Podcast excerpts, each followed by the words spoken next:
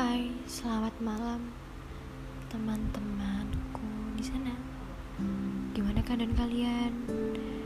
Aku harap kalian lebih bersemangat dan lebih tabah ngadepin permasalahan yang terus datang silih berganti. Kebahagiaan maupun kesedihan. Aku tahu setiap manusia pasti memiliki permasalahan mereka masing-masing. Kejadian-kejadian yang mungkin membuat dia jatuh dan terpuruk. Tapi selalu diingat, manusia selalu punya cara, bahkan mempunyai seribu cara untuk menguatkan dirinya kembali untuk membangkitkan rasa semangatnya, untuk membangkitkan rasa kepercayaan dirinya. Banyak kok.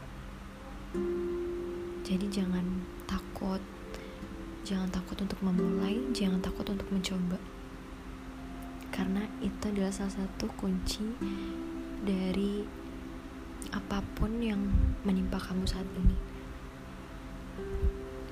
Ikhlas, sabar, dan bersyukur tiga kunci itu aku dapetin dari seseorang yang sangat istimewa bagi aku.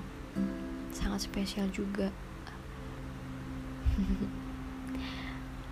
Tiga kalimat itu tiga kata itu maksud aku tiga kata itu secara nggak langsung mencerminkan segalanya dan apa pun. Jadi aku selalu ingat kata itu. Ikhlas sabar dan bersyukur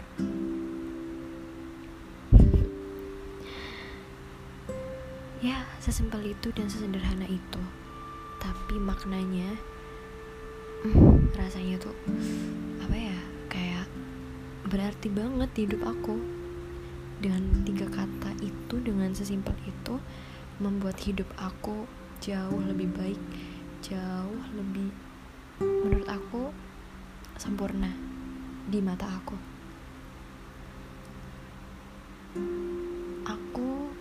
sendiri juga punya permasalahan yang mungkin um, ya mungkin aku bisa sharing lah ke kalian entah itu kapan. Tapi aku mau dari permasalahan aku kalian bisa mengambil sebuah kesimpulan dan sebuah pelajaran akan sesuatu hal dari makna per, uh, dari makna cerita aku.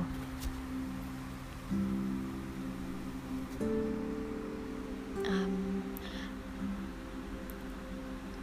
di sini aku cuman ceritanya singkat-singkat karena waktu aku juga terbatas karena aku juga mempunyai kesibukan yang lainnya. Aku podcast hanya meluangkan sedikit waktu aku untuk berbagi untuk berbicara berinteraksi.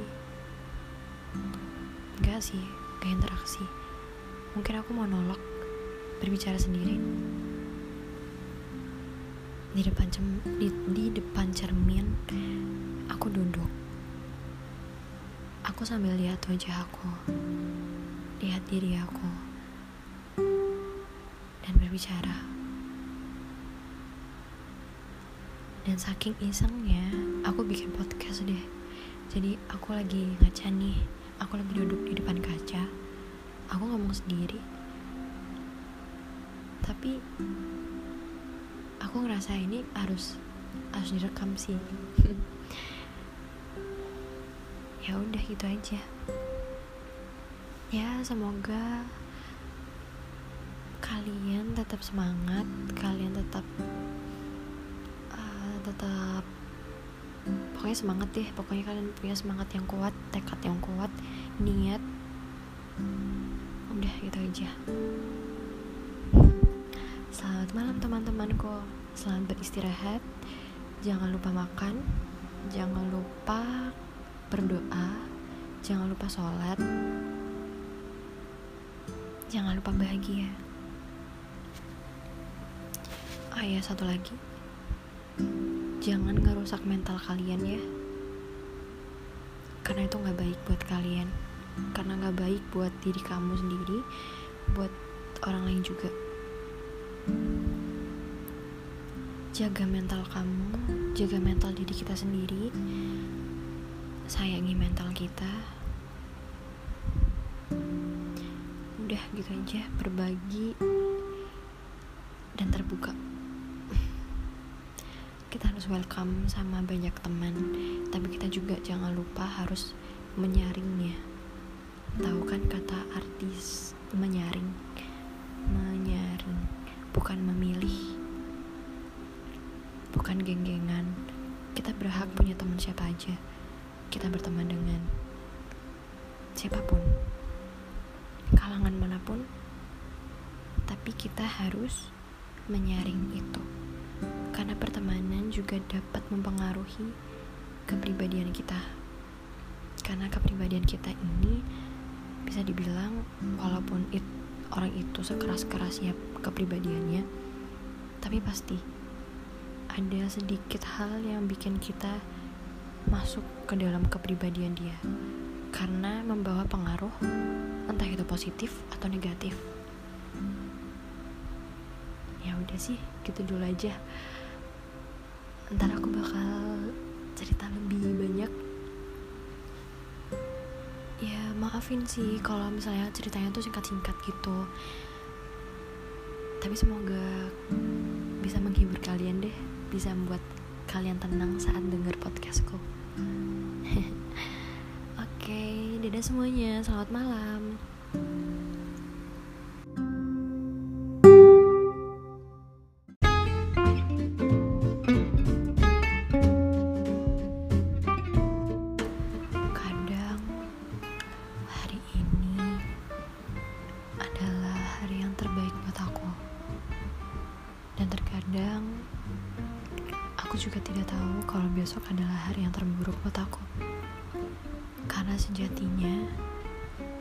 esok adalah misteri. Saat ini adalah hadiah. Kemarin adalah masa lalu.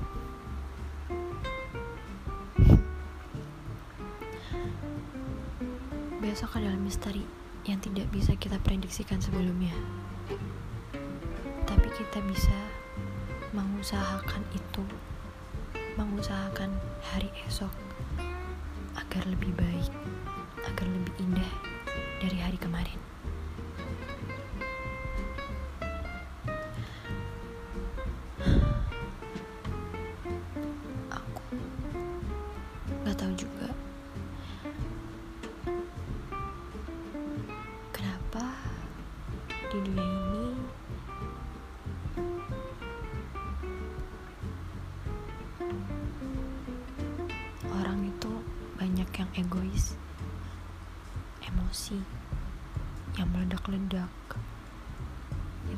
Mendengarkan.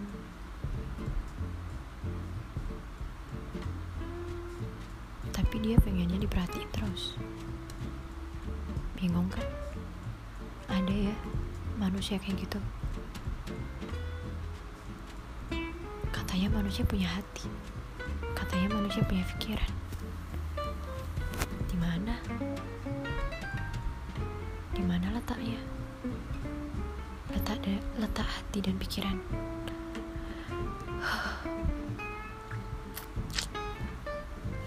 Males banget. Udah sih. Aku tuh mikir kadang daripada mikirin yang nggak penting, mending mikirin sesuatu hal yang bermanfaat mikirin sesuatu hal yang emang perlu dipikirin seperti contoh aku ntar kalau udah gede kalau udah besar kalau udah kerja kalau udah lulus sekolah mau jadi apa? Itu sih sebenarnya yang perlu dipikirin. Yang gak perlu dipikirin satu omongan orang lain. Oke okay, kita menerima kritik dan saran dari orang lain. Tapi bukan berarti omongan. Tahu kan tanda kutip omongan? Entah itu omongan baik omongan buruk kita kan nggak tahu kita hanya manusia biasa kita bukan Tuhan yang maha tahu, yang serba tahu.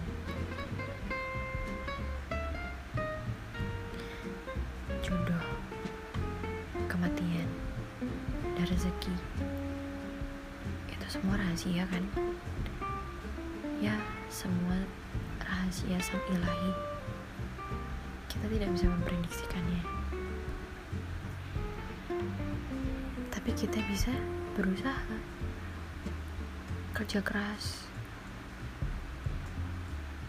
Terus mencoba. Terus memulai. Entah itu berhasil atau tidak. Yang penting kita mencoba. Kita semangat. Kalau gagal kalau jatuh coba lagi. Ulangi lagi dari awal nggak ada kata terlambat saat kita mau mencoba dan berusaha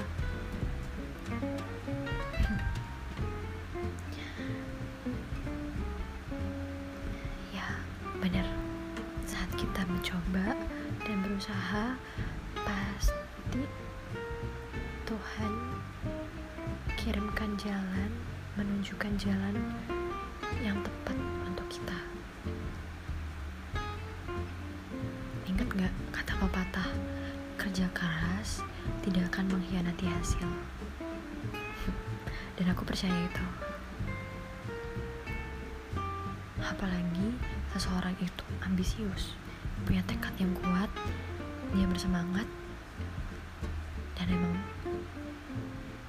emang yang dia pilih adalah di bidang dia sendiri.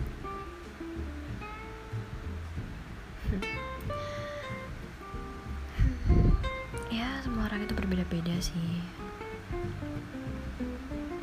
Ada yang dipaksa oleh oleh orang tuanya masuk jurusan ini jurusan itu. Tapi kayaknya sekarang nggak ada deh. Ada nggak sih yang masih dipaksa orang tuanya buat masuk keinginan orang tuanya gitu? Kayaknya nggak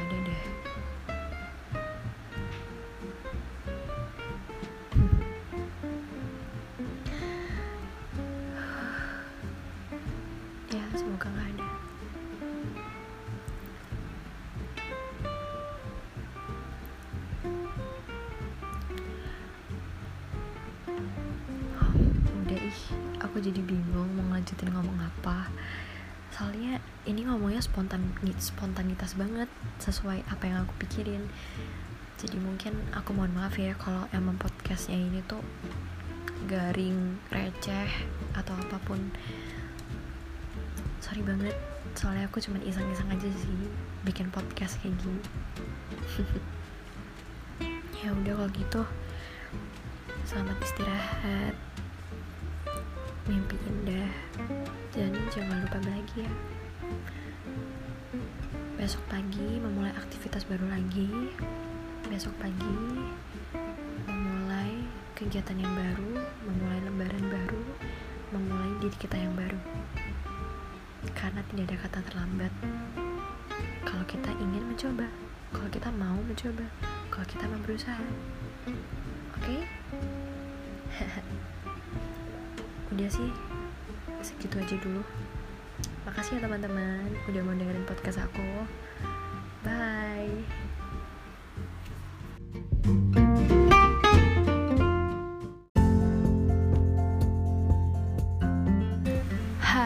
Assalamualaikum teman-teman.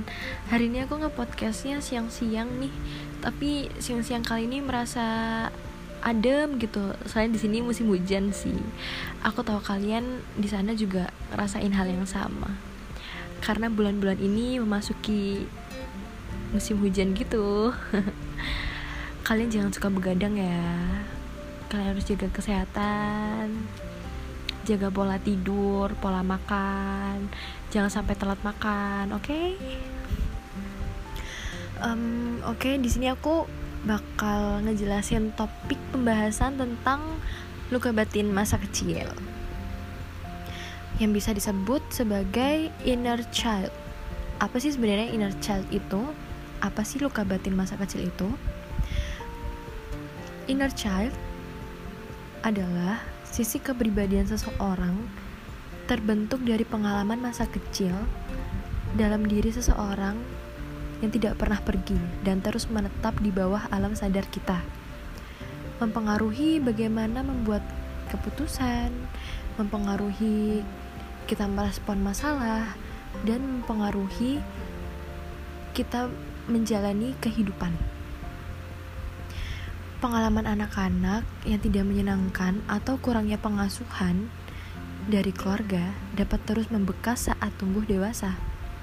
Hal ini dapat terjadi dalam berbagai bentuk, seperti perasaan tidak dicintai, mudah cemas, sulit percaya pada orang lain, dan masih banyak lainnya. Kedewasaan yang sejati ketika kamu sudah menyembuhkan inner child kamu ya sifat uh, apa ya anak kecil kamu ya dalam diri yang kamu simpan seperti rasa sakit kamu saat masih kecil, rasa trauma kamu saat masih kecil, serta emosi-emosi labil kamu ketika kamu masih kecil. Dan semua orang pasti bertambah tua kan? Namun, pada kenyataannya, pada faktanya, tidak semua orang dapat menjadi pribadi yang dewasa. Hal ini banyak orang yang tidak menyadari dan terus tumbuh dewasa tanpa mereka tahu dan tanpa mereka mengenal lebih dalam tentang dirinya sendiri gitu. Banyak orang kemudian mudah tersinggung, marah dengan berbagai emosi, bahkan dengan mudah memutuskan keputusan tanpa berpikir bagaimana dampaknya nantinya. Gitu bagaimana sih uh, dan mengapa ya mengapa masih banyak orang yang berperilaku demikian seperti itu? Jadi dari berbagai sumber yang aku dapatkan dari berbagai eh, sumber-sumber uh, yang aku kumpulkan dan aku rangkum menjadi satu dan aku dapat menyimpulkan karena orang-orang terus ber, bertumbuh tanpa pernah mereka menyadari ada luka batin yang dirasakan selama masih kecil. Selama anak kecil, selama masih anak-anak lah dalam dirinya. Yang kekurangan pengasuh dari orang tua mungkin atau terabaikan dalam pengasuhan dan masih banyak lainnya. Hal ini akan menyebabkan seseorang atau mungkin kamu yang mendengarkan ini semakin mudah tersulut oleh emosi dalam inner child itu. Dan tidak semua orang mengetahui bahwa diri ini, diri kamu, sedang terluka.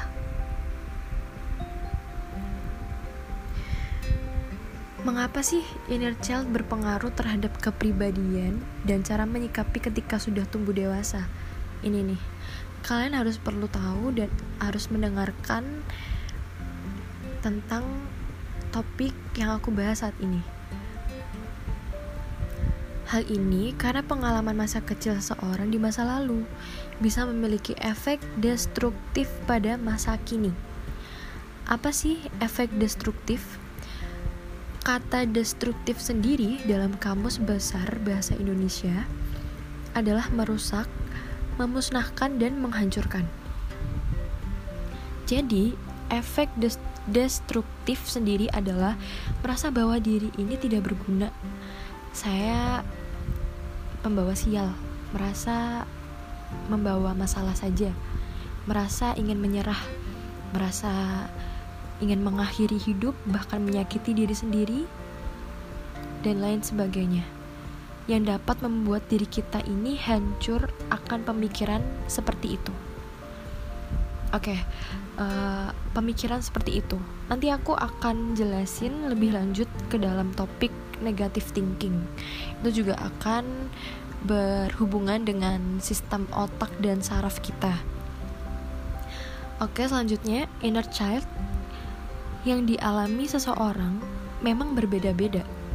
Namun, dampak tersebut rata-rata sama, tidak jauh beda. Tentang pengalaman bagaimana untuk dicintai, bagaimana perilaku, bagaimana merasa dihargai dan dipedulikan. Um, ada nih, ada pertanyaan. Bagaimana bisa inner child bisa terluka?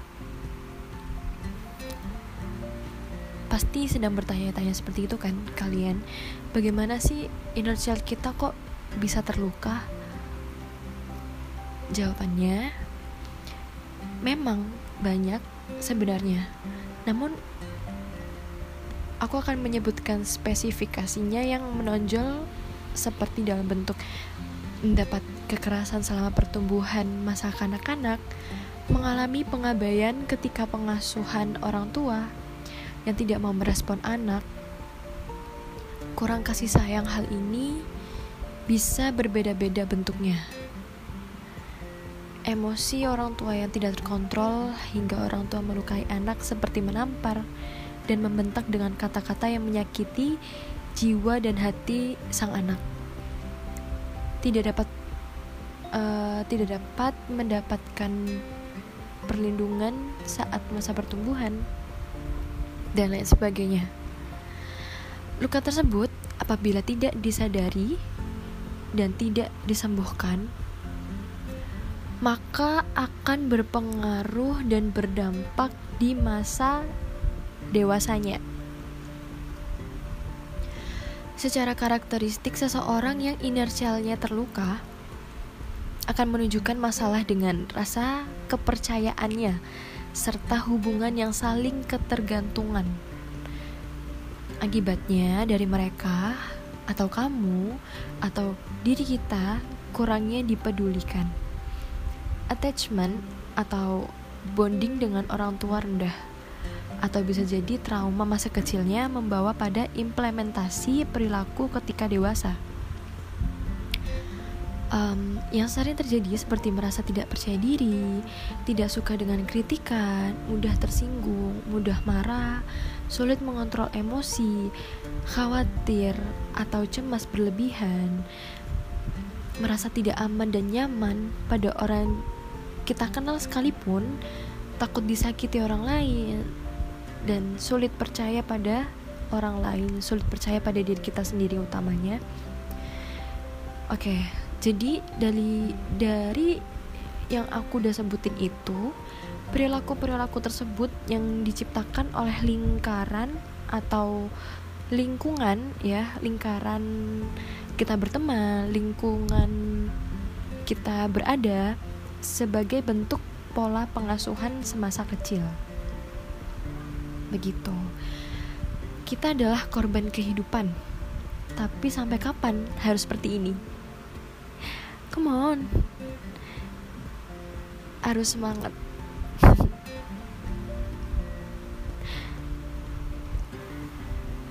Begitu. Jadi uh, gimana sih caranya Lalu apa yang bisa dilakukan ketika inner child terluka? Apa yang bisa kita lakukan? Oke. Okay. Di sini akan aku jelaskan cara penyembuhan luka batin masa kecil dengan rekonsilisasi atau reconnecting dengan inner child. Sebelum aku membahas tentang menyembuhkan luka batin masa kecil, ada pesan yang ingin aku sampaikan ke kalian yang merasa tersakiti, yang merasa terluka dengan inner child yang masih kamu simpan di dalam diri kamu. Oke, teman-teman, untuk kamu, untuk kalian semua, untuk seseorang yang aku sayangi untuk seseorang yang aku gak kenal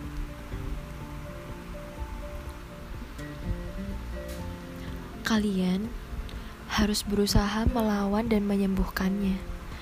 Belajarlah ikhlas dan menerima.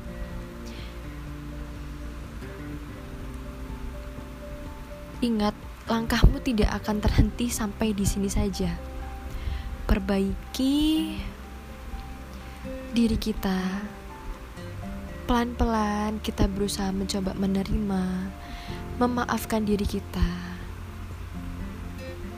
Bicarakan apa yang kamu rasakan.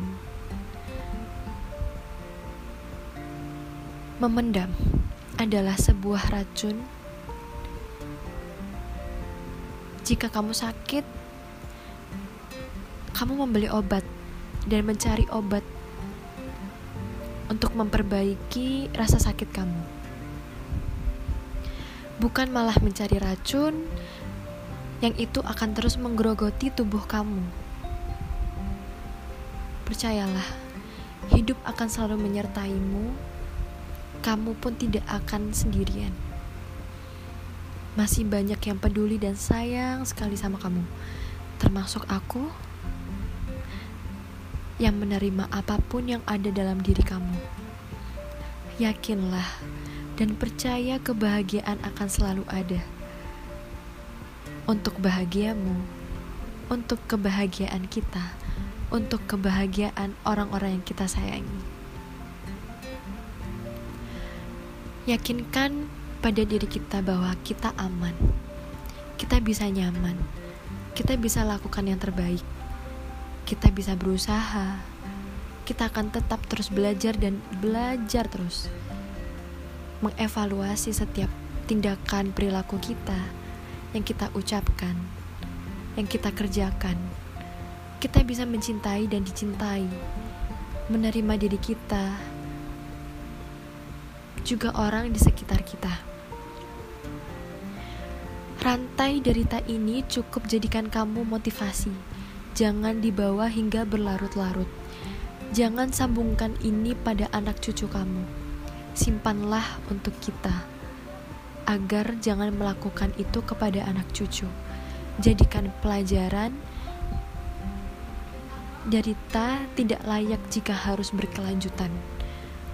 Putuslah rantai rasa sakit ini. Dari turun-temurun, jangan lanjutkan ke generasi selanjutnya. Bagaimana caranya? Sadari, akuilah, diterima, ikhlas, lepaskan, dan rawat kembali inner child yang ada di diri kamu, yang ada pada diri kamu. Bagaimanapun keadaan kamu saat ini, keadaan kamu, entah itu sekarang, besok, dan seterusnya, berdamailah dengan cara berdialog dengan diri kamu sendiri. Ceritakanlah kepada orang-orang yang kamu percayai Jangan dipendam, jangan ditahan. Luapkan emosi kamu. Emosi itu entah emosi menangis, luapan rasa sakit, luapan em apa ya, emosi dan amarah. Semua kamu berhak meluapkannya. Tapi ingat, setelah itu kamu jangan sampai berlarut-larut karena itu tidak akan baik untuk ke depannya. Oke, selanjutnya menyembuhkan luka batin masa kecil. Uh, langkah pertama ini aku dapat dari sumber uh, www psikologi pijar ya, pijar ID. Ada beberapa hal sih mungkin kalian bisa mencobanya. Yang pertama, menemukan atau memflashback kejadian itu. Memang tidak mudah, cobalah perlahan-lahan melepaskan emosi yang selama ini dipendam atau ditahan. Itu seperti kita itu mereplay ulang ya, flashback ulang kejadian-kejadian itu perlahan-lahan kita mencoba ikhlas dan lepaskan dan menerima yang kejadian itu sudah terjadi gitu. Yang kedua, mengobati luka batin dengan memaafkan diri sendiri, memaafkan masa lalu, ikhlas dan sabar. Yang tadi aku sudah jelasin. Yang ketiga, ada self talk, self healing, and butterfly self. Self talk adalah berbicara dan berdialog dengan diri kamu sendiri di depan cermin atau sedang dalam perjalanan pulang kerja, kantor, uh, di sekolah selesaikan berkegiatan. Kamu perlu self talk pada diri kamu sendiri. Berdialog berbicara sendiri kedua ada self healing self healing itu kita berusaha untuk menyembuhkan diri kita sendiri. Dengan apa? Dengan kegiatan-kegiatan yang produktif dengan kegiatan-kegiatan yang positif dengan melakukan aktivitas dan kegiatan yang kita senangi kita gemari gitu. Mencari perkumpulan yang positif mengarah mengarahkan kita ke lebih baik lagi gitu yang terakhir ada butterfly self. Butterfly self ini itu uh, seperti gini. Ketika kita tidur ketika kita lelah dan capek kita butuh seseorang. Misalnya kita sedang sendirian ya kita butuh seseorang untuk memeluk kita berada di dekatnya dia berada di sampingnya dia. Dengan cara apa? Butterfly self. Butterfly self ini caranya uh, peluk tubuh kita uh, pegang pundak kita dengan kedua tangan yang menyilang dan berbicara sendiri kepada diri kita, menepuk pundak kita, meraba pundak kita untuk tidak pernah merasa harus berhenti di sini. Kita akan terus melewati perjalanan demi perjalanan, melewati kejadian demi kejadian. Itu semua akan membuat kita menjadi kuat. Butterfly self ini akan menguatkan kita, akan menyadarkan kita akan hal yang sudah kita lalui, seberapa panjang perjuangan kita itu semua ada di butterfly self sih. Oke yang keempat adalah tidur yang cukup. Cari kegiatan positif yang membuat kita senang tertawa dan melepas penat ya. Ibaratnya lagi sibuk nih lagi suntuk di kantor atau lagi banyak kerjaan banyak tugas dan lain-lain. Kan perlu tuh merefreshing otak kita karena otak kita juga butuh istirahat. Lima semua tergantung pada diri kita sendiri sih. Mau nggak pengen gak mau keluar gak dari zona ini? Banyak juga ya durasinya cukup lama sih ini. Semoga kalian gak bosan dengerinnya. Semoga dari rangkuman yang aku dapatin saat ini bisa membuat kalian sadar bisa kalian cermati bisa kalian resapi.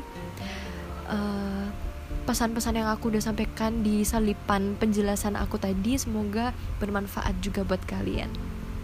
Tetap semangat, tetap menjalani aktivitas penuh dengan ceria, penuh dengan aura positif untuk uh, kita sebarkan ke orang-orang sekitar dan masyarakat luar untuk menjadi kepribadian yang lebih baik lagi.